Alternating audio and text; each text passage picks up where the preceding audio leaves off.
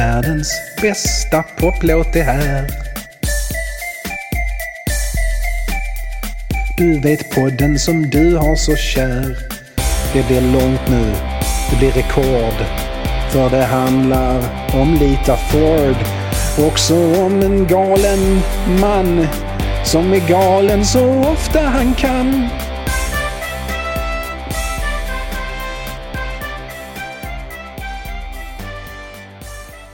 Välkommen till världens bästa poplåt. Jag är Nils Karlsson och det här handlar om världens bästa poplåt. Den kom 1988 under glam metal-vågens allra sista skälvande minuter. Och det här kommer bli en resa, en helt vansinnig resa mot den popperfektion som finns i Lita Fords Kiss Me Deadly. Det kommer bli våld, kärlek och sex och det kommer bli brustna hjärtan och en galen gubbe som skriker könsord åt sina barnbarn medan deras mamma desperat försöker skydda dem genom den fullständigt självklara vita lögnen att de inte ska bry sig för det är bara Tony Curtis. Vad fan nu stackars Tony Curtis hade gjort för att bli den självklara bortförklaringen till varför den legendariske managern Don Arden börjar vråla på sin dotter Sharon och hennes barn från andra sidan av Hollywood Boulevard den där gången i slutet på 80 80-talet. Att Don Arden var arg är i och för sig förståeligt, för ganska nyligen hade Sharon med sin man Ozzy Osbourne fegt nedkrypen i baksätet försökt köra på Don Arden när hon av en slump fått syn på honom när hon var ute och körde. Kiss me once, kiss me twice, come on pretty baby, kiss me deadly, nu kör vi. Det kommer finnas många huvudpersoner i den här historien så det är bäst ni plockar fram era anteckningsböcker för allt det här kommer på tentan. Don Arden är en legend bland rockmusikmanager och många legender och managers har sitt ursprung just i honom. Och han gillade det. Han älskade sitt rykte. Arden var inte alltid Arden. Arden föddes som Harry Levy i en av ganska få judiska familjer i Manchester på 1920-talet. Han var storväxt och varje gång någon i klassen retade honom för att han var jude, vilket tydligen inte alls var ovanligt i Manchester på 1930-talet att reta någon för, slog han vederbörande på käften och fortsatte sedan med att slå alla som hade skrattat på käften också. Efter ett tag slutade man att reta Harry för att han var jude. Harry sjöng i synagogans gosskör, men hans alternativa tonsäkerhet ledde till att körledaren ganska snabbt använde Harrys talanger till annat än att sjunga. Han fick köra stand-up mellan numren istället och var en av anledningarna till att onsdagskvällarnas musikaftnar blev så populära. Som 13-åring fick han till och med sin egen lilla stund på kvällen att stå för underhållningen på och han älskade applåderna. Han bestämde sig där och då för att underhållningsbranschen var hans bransch. Han var tillräckligt begåvad pianist för att bli antagen till Royal College of Music där han studerade fram till sin 18-årsdag. För det fanns något han längtade till att få göra som han inte hade fått göra förrän han fyllt 18. Ta värvning för att åka och döda nazister. Harry Levy såg mycket fram emot att få döda nazister. Harry gillade inte nazister. Efter kriget började han uppträda under artistnamnet Don Arden. För runt 1946 hade han upptäckt eller inbillat sig att den brittiska publiken var trötta på judar. Det stod om judar i tidningen, det pratades om judar på radio, överallt möttes man av historier om judar och Harry Levy ville att hans publik skulle möta honom utan förutfattade meningar.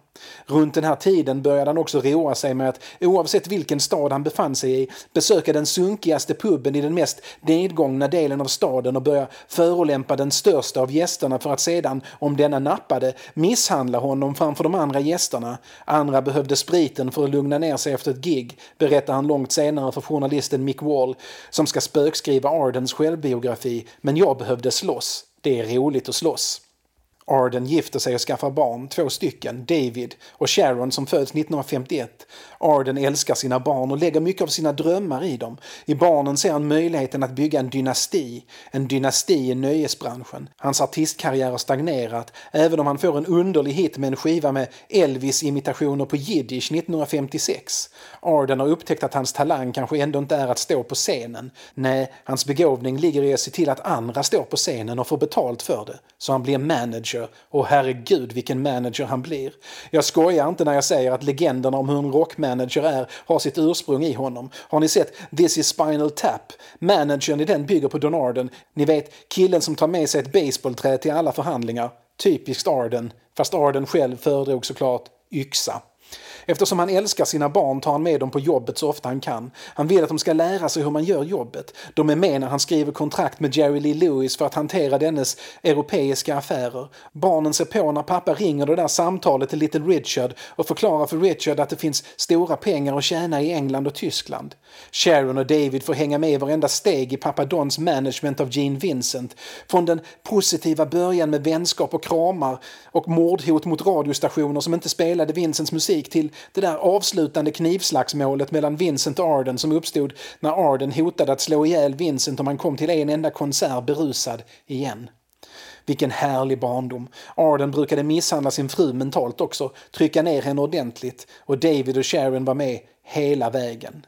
1965 får Arden ett samtal från en nervös tonåring. Han presenterar sig som Steve Marriott och han undrar om han och kompisen Ronnie Lane skulle kunna få komma till Ardens kontor i London och spela några låtar. Det fick de och en och en halv timme senare skrev Arden kontrakt med det som skulle bli hans första riktigt stora framgång, The Small Faces. Arden, givetvis med sina nu tonåriga barn med sig, gör nu allt för att The Small Faces ska bli det största brittiska bandet. För om man är det största brittiska bandet har man goda möjligheter att bli miljonär på skivförsäljning i Amerika.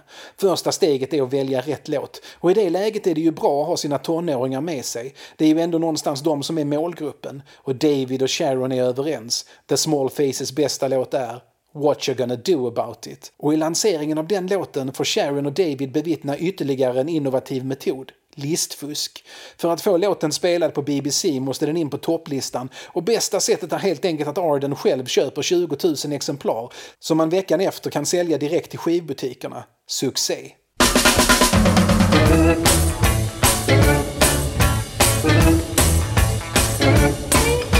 I want you to know that I love you Want you to know that I care. I'm so happy when you're around me, but I'm sad when you're not there. Sing the song now. What you gonna do? Oh, yeah. What you gonna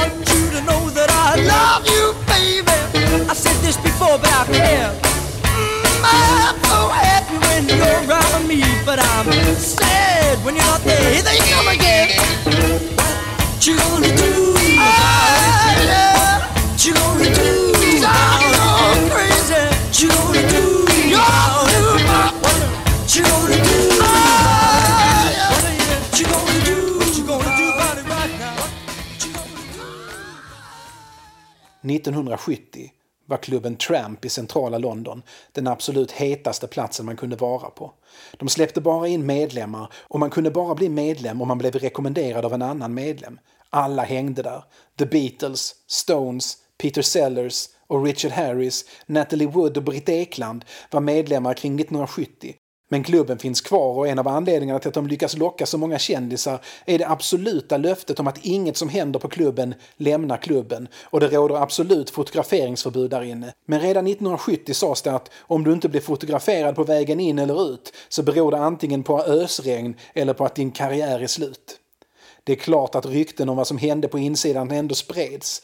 Vem som legat med vem på toaletten, vem som skvallrade på Keith Moon så att Keith Moon blev den enda medlemmen i klubbens historia som vänligt betts att aldrig någonsin komma tillbaka. Trots att det är så väldigt lätt att missta en kristallkrona från en toalett drog de tydligen gränsen där. Ryktet att det var George Lazenby som stod för notan den där kvällen alla de tre dåvarande Bondskådespelarna råkade vara där samtidigt och bestämde sig för att ta en drängfylla ihop var såklart smaskigt. Det fanns såklart ett sätt till till att komma in på klubben än att bli inbjuden. Man kunde ju bli anställd. Att träffa någon som kunde hjälpa honom att slå igenom som låtskrivare var Mike Chapmans plan när han sökte jobbet som servitör.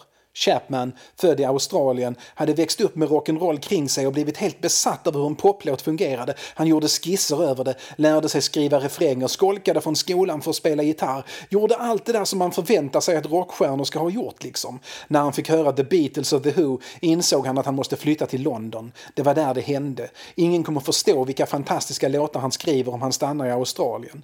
1966 kommer han till London, men även om det band han spelar i blir hyfsat poppis att boka in på dans landställen så blir det liksom inte mer. Han måste skaffa sig kontakter och kontakter borde man rimligen kunna skaffa sig där inne, på den förbjudna marken, på Tramp.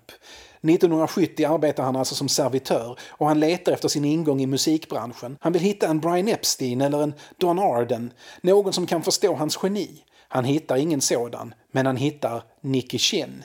Chin var en av de medlemmar i klubben som inte var där för han var kändis, för det var han inte. Men han kom från en dyngrik familj som ägde Englands största återförsäljare av bilar. Han hade skrivit låtar som blivit utgivna, två stycken, och de var för tillfället med i komedin “There's a girl in my soup”. Han är stolt över detta. Att skriva låtar kan vara ett sätt att bli accepterad på riktigt av de andra medlemmarna, så han pratar ganska högt om det. Tillräckligt högt för att Mike Chapman ska höra. Så Chapman serverar liksom lite extra mycket till Chins bord och snart blir han bjuden att sitta ner och som man säger, det ena leder till det andra och snart sitter de hemma hos Chin och skriver låtar till klockan tio dagen efter och en av dem var en liten countrydänga i tuggummi-popstil som hette Tom Tom Turnaround. Den är fasansfull så jag ska inte plåga er med den, men om ni är riktigt modiga så kan ni ju söka upp den och utsätta era arma öron för eländet. Det bästa man kan säga om den är att det var den direkta inspirationen till Beautiful Souths underbart romantiska Don't marry her, fuck me.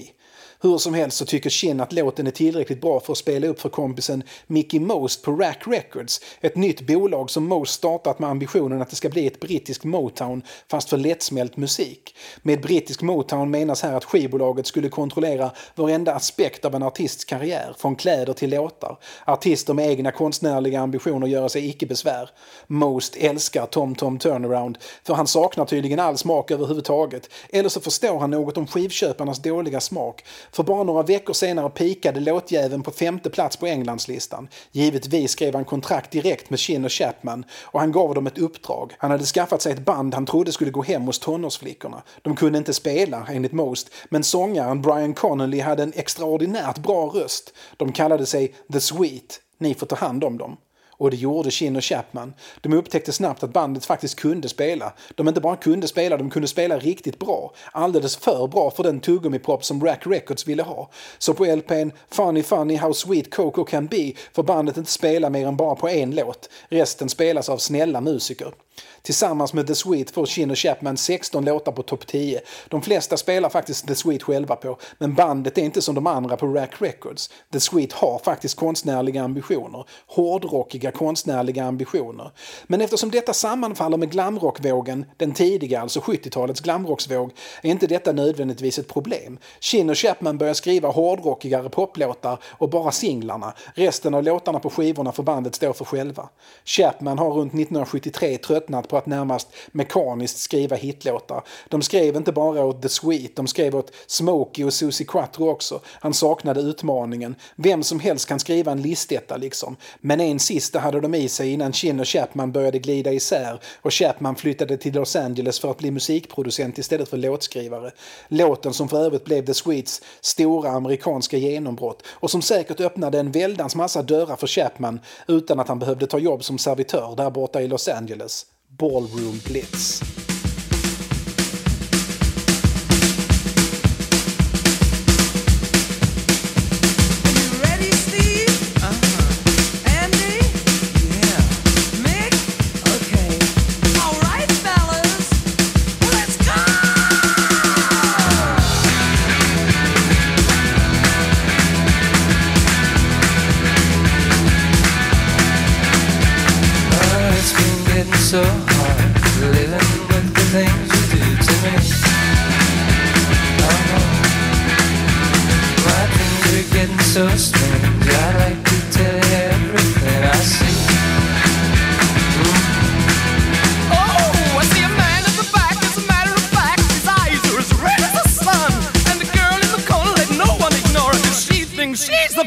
fortunate one.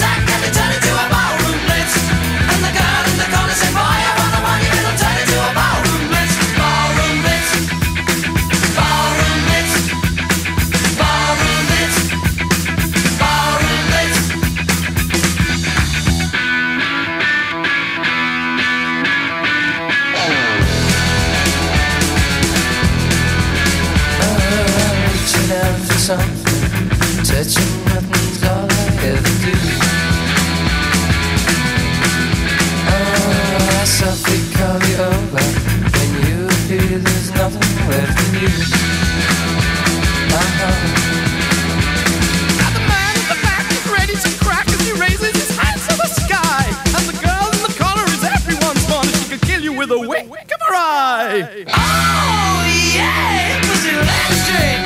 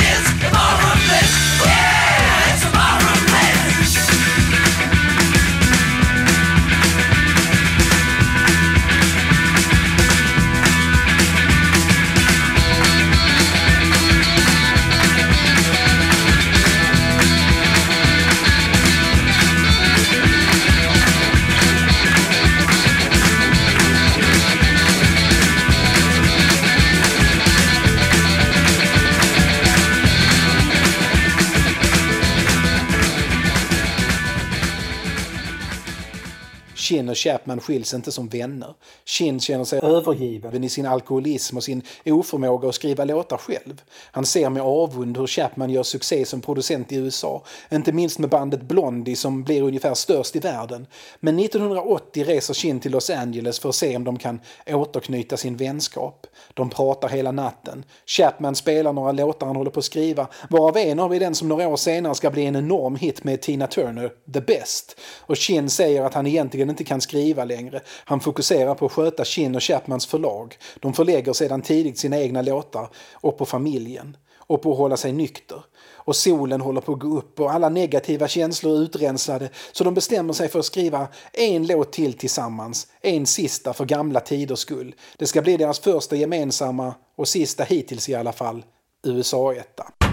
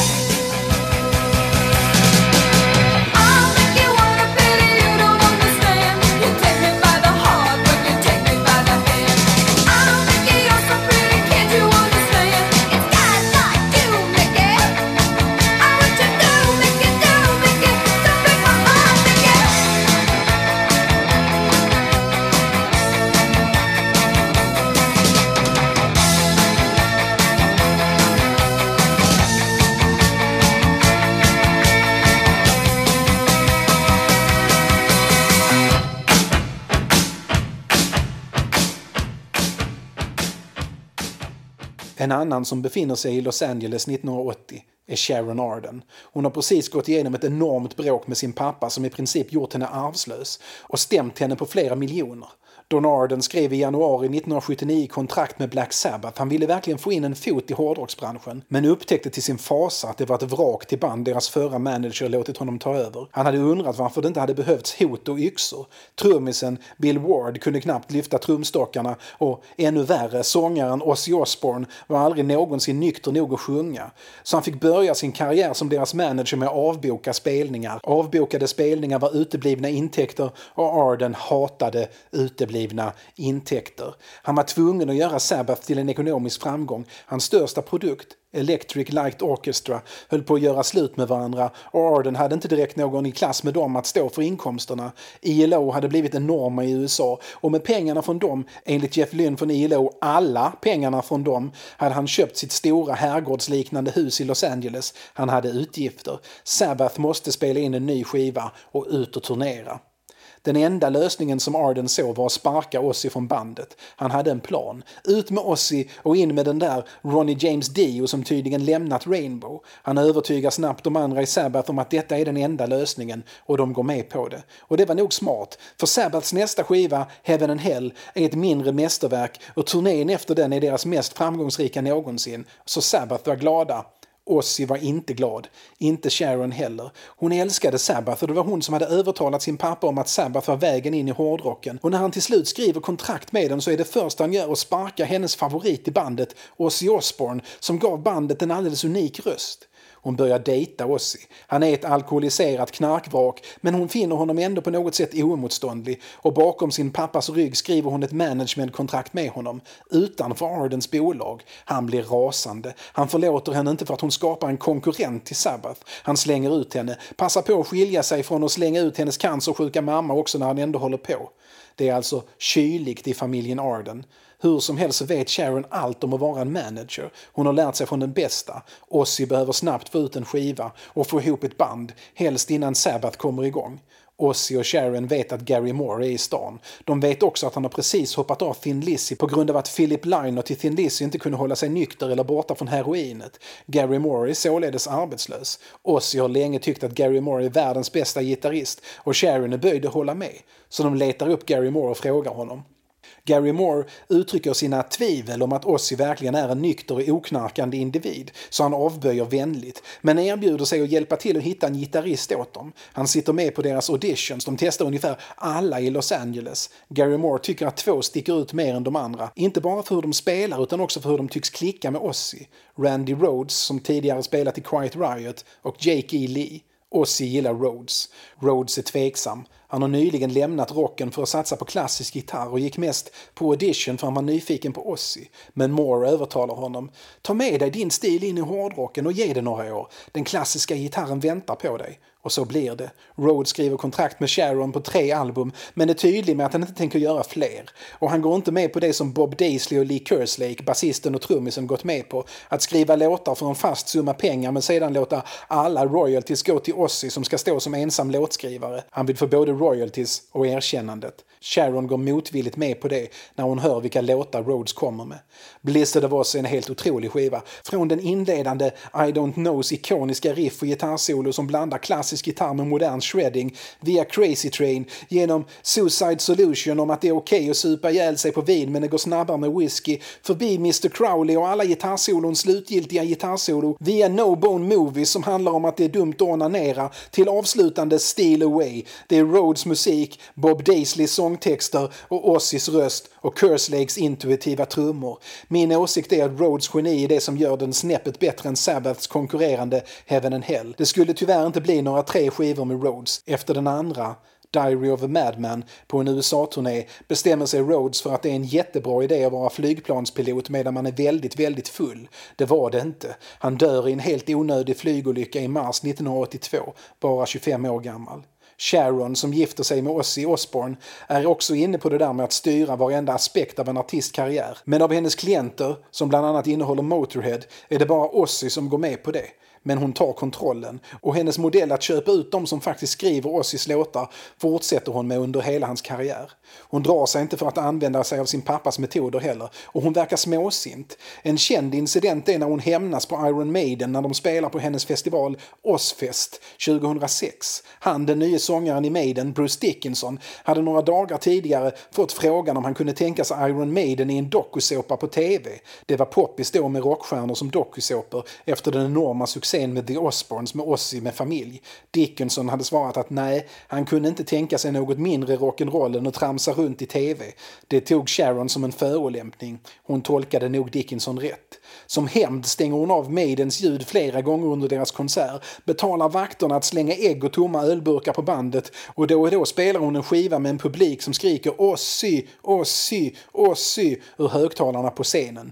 Mycket moget. Men inte lika omoget som vad pappa Don gjorde när han tyckte att det fattades pengar i hans bolag. Kidnappa en bokförare och tortera honom i källaren. Något som hans son David senare får sitta två år i fängelse för. Man kan förstå att Sharon inte vill kännas vid honom när han skriker könsord från andra sidan gatan. Klart det är Tony Curtis istället. Mot slutet av Dons liv blir de sams igen. Hon betalar hans läkarräkningar. Hans företag har gått ett helvete eftersom ingen vill samarbeta med honom efter det där med tortyren i källaren. Och hans unga protegé, den unga man han liksom ser sig själv i, har inte fått igång sitt filmbolag än även om den lilla investering som Arden lyckas göra är en god hjälp. David har han knappt någon kontakt med. Sonen förstod liksom aldrig riktigt varför han skulle behöva sitta i fängelse för något hans pappa gjort. Men Don är nöjd med sin surrogatson Harvey Weinstein och tror mycket på hans filmbolag Miramax. Men 1980 igen, då var Ozzy som bäst och han var det i mångt och mycket på grund av Sharon. Han hade antagligen varit död utan Sharon. Vi har henne att tacka för mycket, mycket bra musik.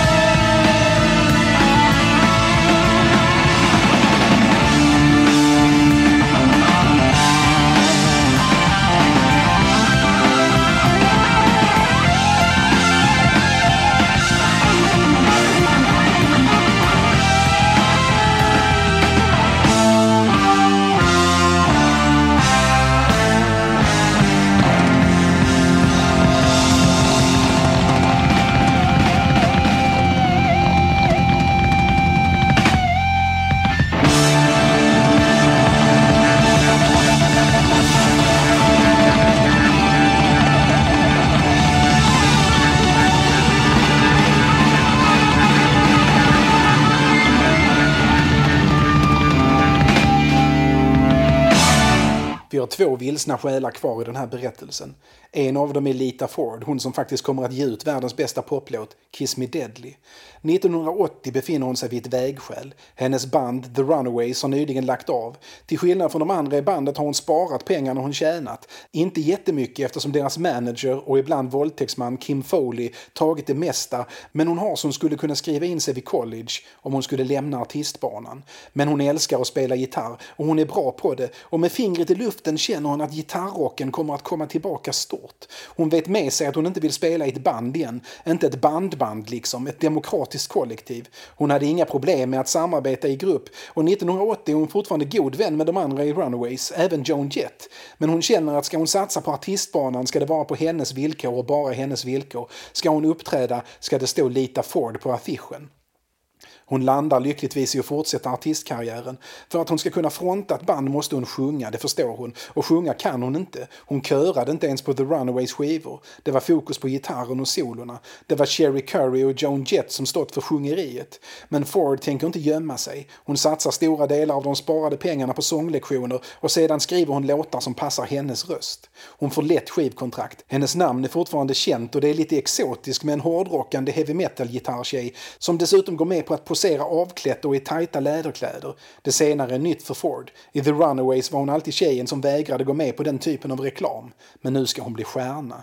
Hon tar sin metal-estetik från Judas Priests Rob Halford och feminiserar den och spelar i rask takt in två skivor med ganska konventionell hårdrock. Den första floppar, inte minst för att skivomslaget för många skivaffärer i USA var lite väl vågat. Men den andra blir en halvframgång, säljer tillräckligt för att skivbolaget ska förlänga hennes kontrakt med en skiva till. En sista chans. Det är runt 1986 och det är nu hon träffar Sharon Osbourne. Sharon har planer. Ozzy Osbournes karriär är, får man väl säga, en framgångshistoria. Den överlever Randy Rhodes död och han blir den hårdrocksikon han är idag. Till skillnad från Black Sabbath lyckas han lämna det framgångsrika 70-talet bakom sig och hålla sig konstnärligt relevant även på 80-talet. Det är i mångt och mycket Sharons förtjänst. Men hon vill mer.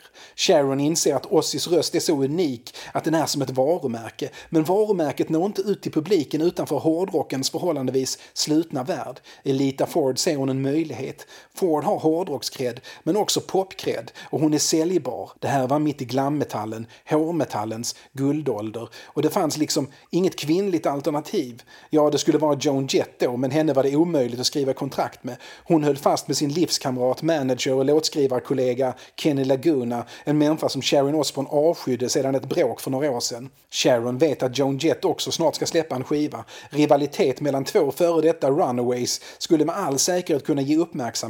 Hon erbjuder Ford att ta hand om hennes karriär och Ford, som ju inte har något att förlora, går med på det. Att Sharon vill att hon ska sjunga en duett med Ozzy på nästa skiva har hon inget emot alls. Black Sabbath var en av anledningarna till att Lita Ford började spela gitarr en gång i tiden. I Sharons händer skapas en konflikt mellan Ford och Jet som inte fanns förut. Men så får det vara. Ford har sin framtid att tänka på. Än idag tycks en återförening av de fortfarande levande medlemmarna i The Runaways omöjlig. Alla har spelat tillsammans på olika sätt på olika scener, utom Jet och Ford. Och så kommer det förbli så länge de har Osborne och Laguna som managers.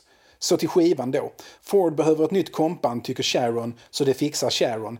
Stommen i det nya bandet blir producenten Bob Esrins son David som spelar keyboard. Var det möjligen ett led i en plan att locka Bob Esrin att producera Lita Fords skiva? Det hade i så fall varit ett stort kap. Men lyckligtvis föll inte planen ut om det nu var det som var planen.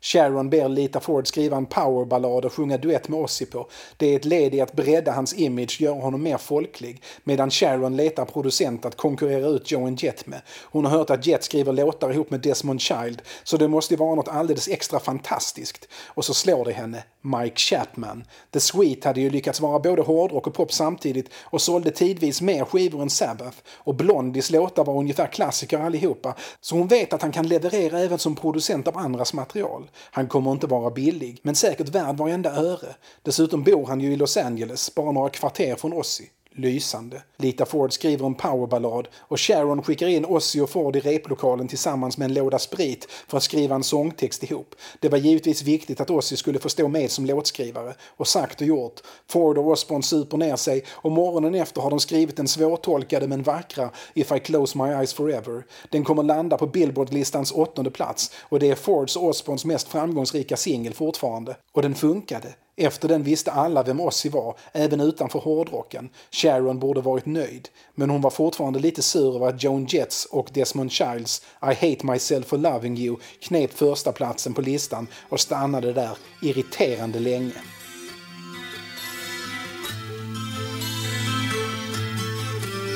Baby, I get so scared inside and I don't really understand. That's on my mind or is it fantasy?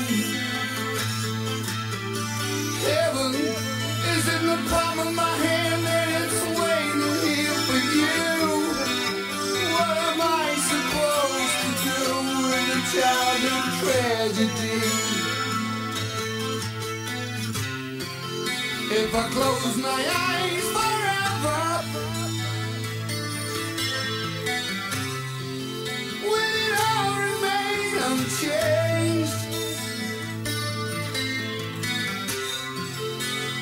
close my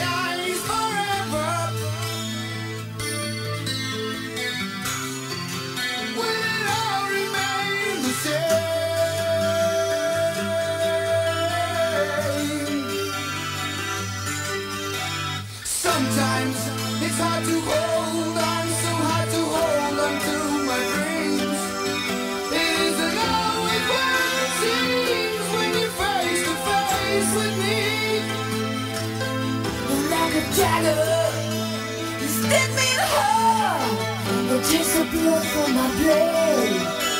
And when we sleep, would you shelter me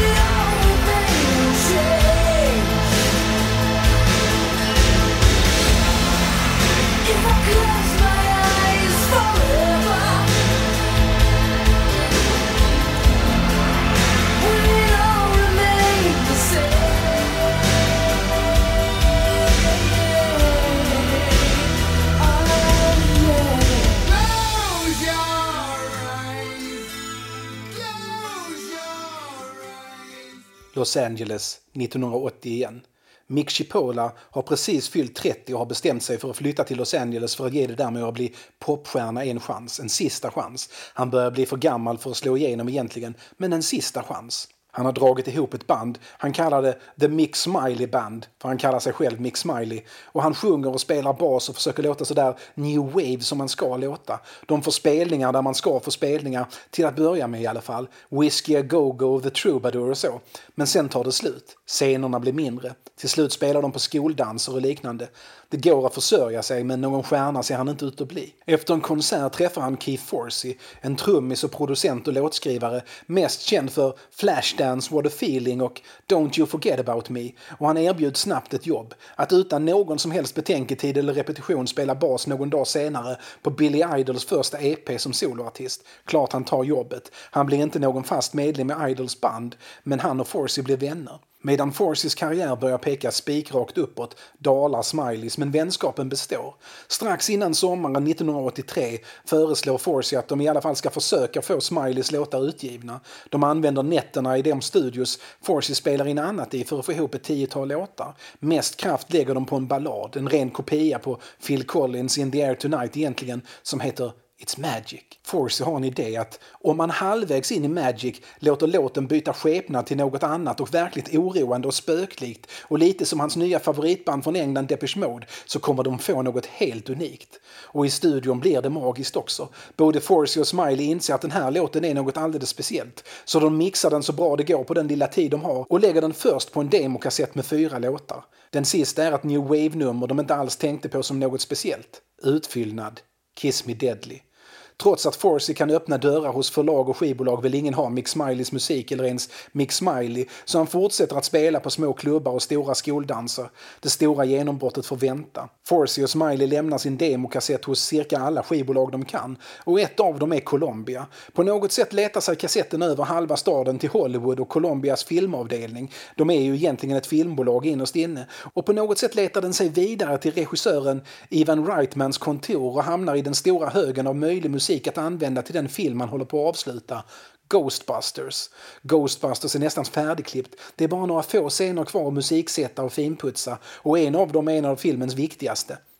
Om ni sett Ghostbusters så kommer ni se den framför er. Men kortfattat, Ghostbusters fångar spöken och låser in dem i en gammal brandstation. En nitisk kommuntjänsteperson från New Yorks motsvarighet till de flesta större svenska kommuners miljöförvaltning tycker att Ghostbusters som saknar tillstånd för sin verksamhet saknar tillstånd för sin verksamhet och stänger ner Ghostbusters tillståndslösa verksamhet och därmed också spökförvaret. Alla spökena släpps loss på en gång och New York svämmar över av spöken. När spökena liksom sprutar ut ur brandstationen gör de det till musik. Wrightman måste hitta den perfekta musiken. Ryslig ska den vara, men ändå passa in i filmens lättsamt poppiga ton. Skivbolagen vet att filmen kommer att bli en succé och varenda förläggare med självaktning har överöst Reitman med förslag på musik till filmen, men inget känns rätt.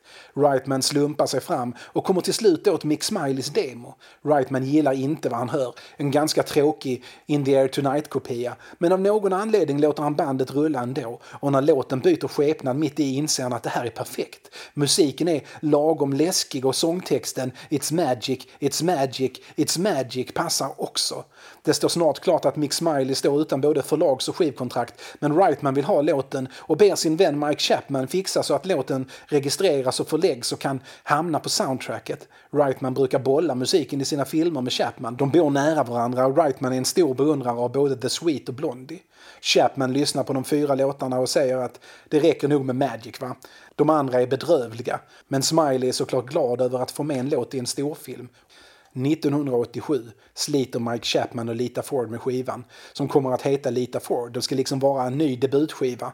Ford har skrivit åtta bra tralliga upptempolåtar och balladen Close My Eyes Forever är en given singel. Chapman är övertygad om att det kommer bli en jättehit även om han blev frustrerad över hur mycket han fick klippa och klistra i Ossis över 20 tagningar för att få ihop något som lät som någon som i alla fall nästan kunde träffa rätt toner. Han påminner sig själv om att aldrig jobba med berusade människor igen. Men man kan inte släppa en ballad som första singel. Det tycker i alla fall inte Mike Chapman. Hur mycket än Sharon Osbourne tjatar om att singeln måste ut. Nej, det behövs något som liksom presenterar Lita Ford för världen. Något som säger att här är en kvinna som tar för sig och är minst lika badass om inte mer som männen i branschen. Något med sex, droger och rock och roll.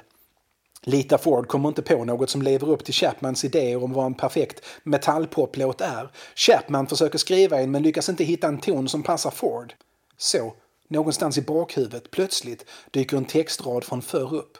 I went to a party last Saturday night. I didn't get laid. I got in a fight. It ain't no big thing. Kan du skriva något sånt? frågar han Ford.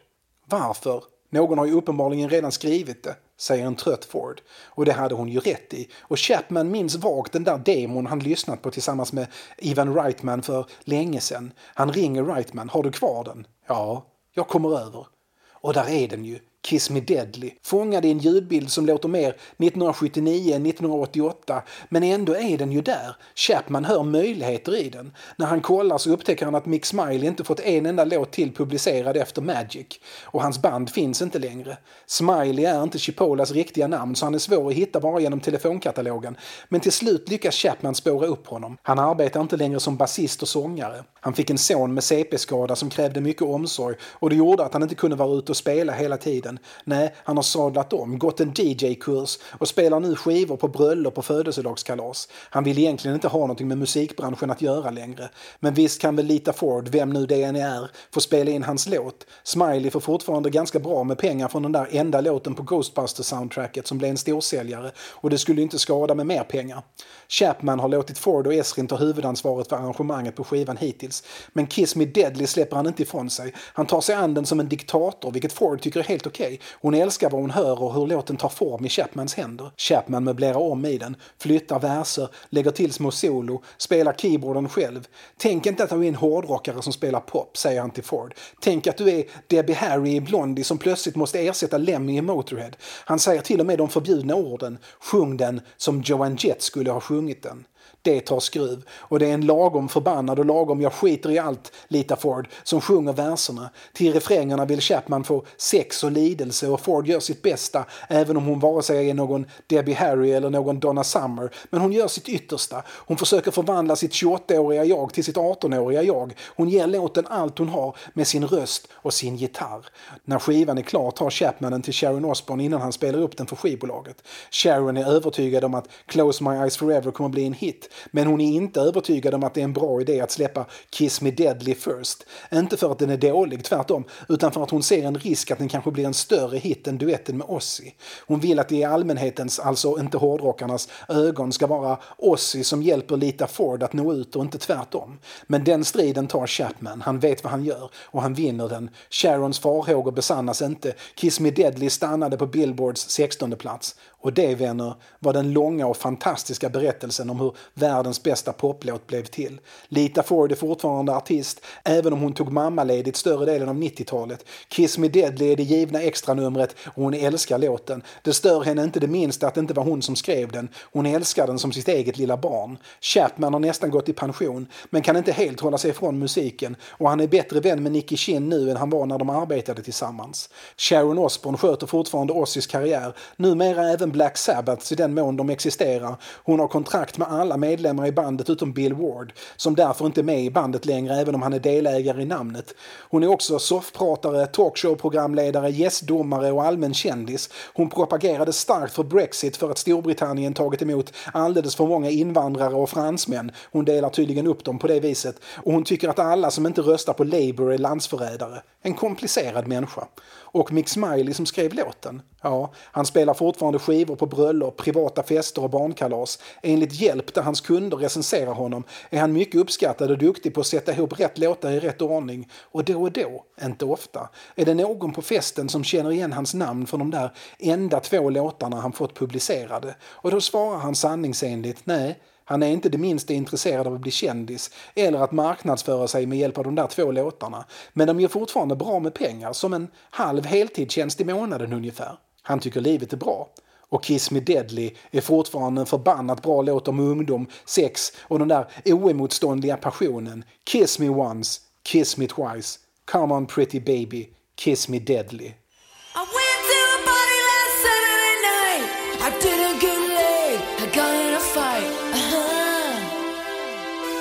It ain't no big thing. Late for my job and the traffic was bad. Had to borrow ten bucks from my old man. Uh huh. It ain't no big thing.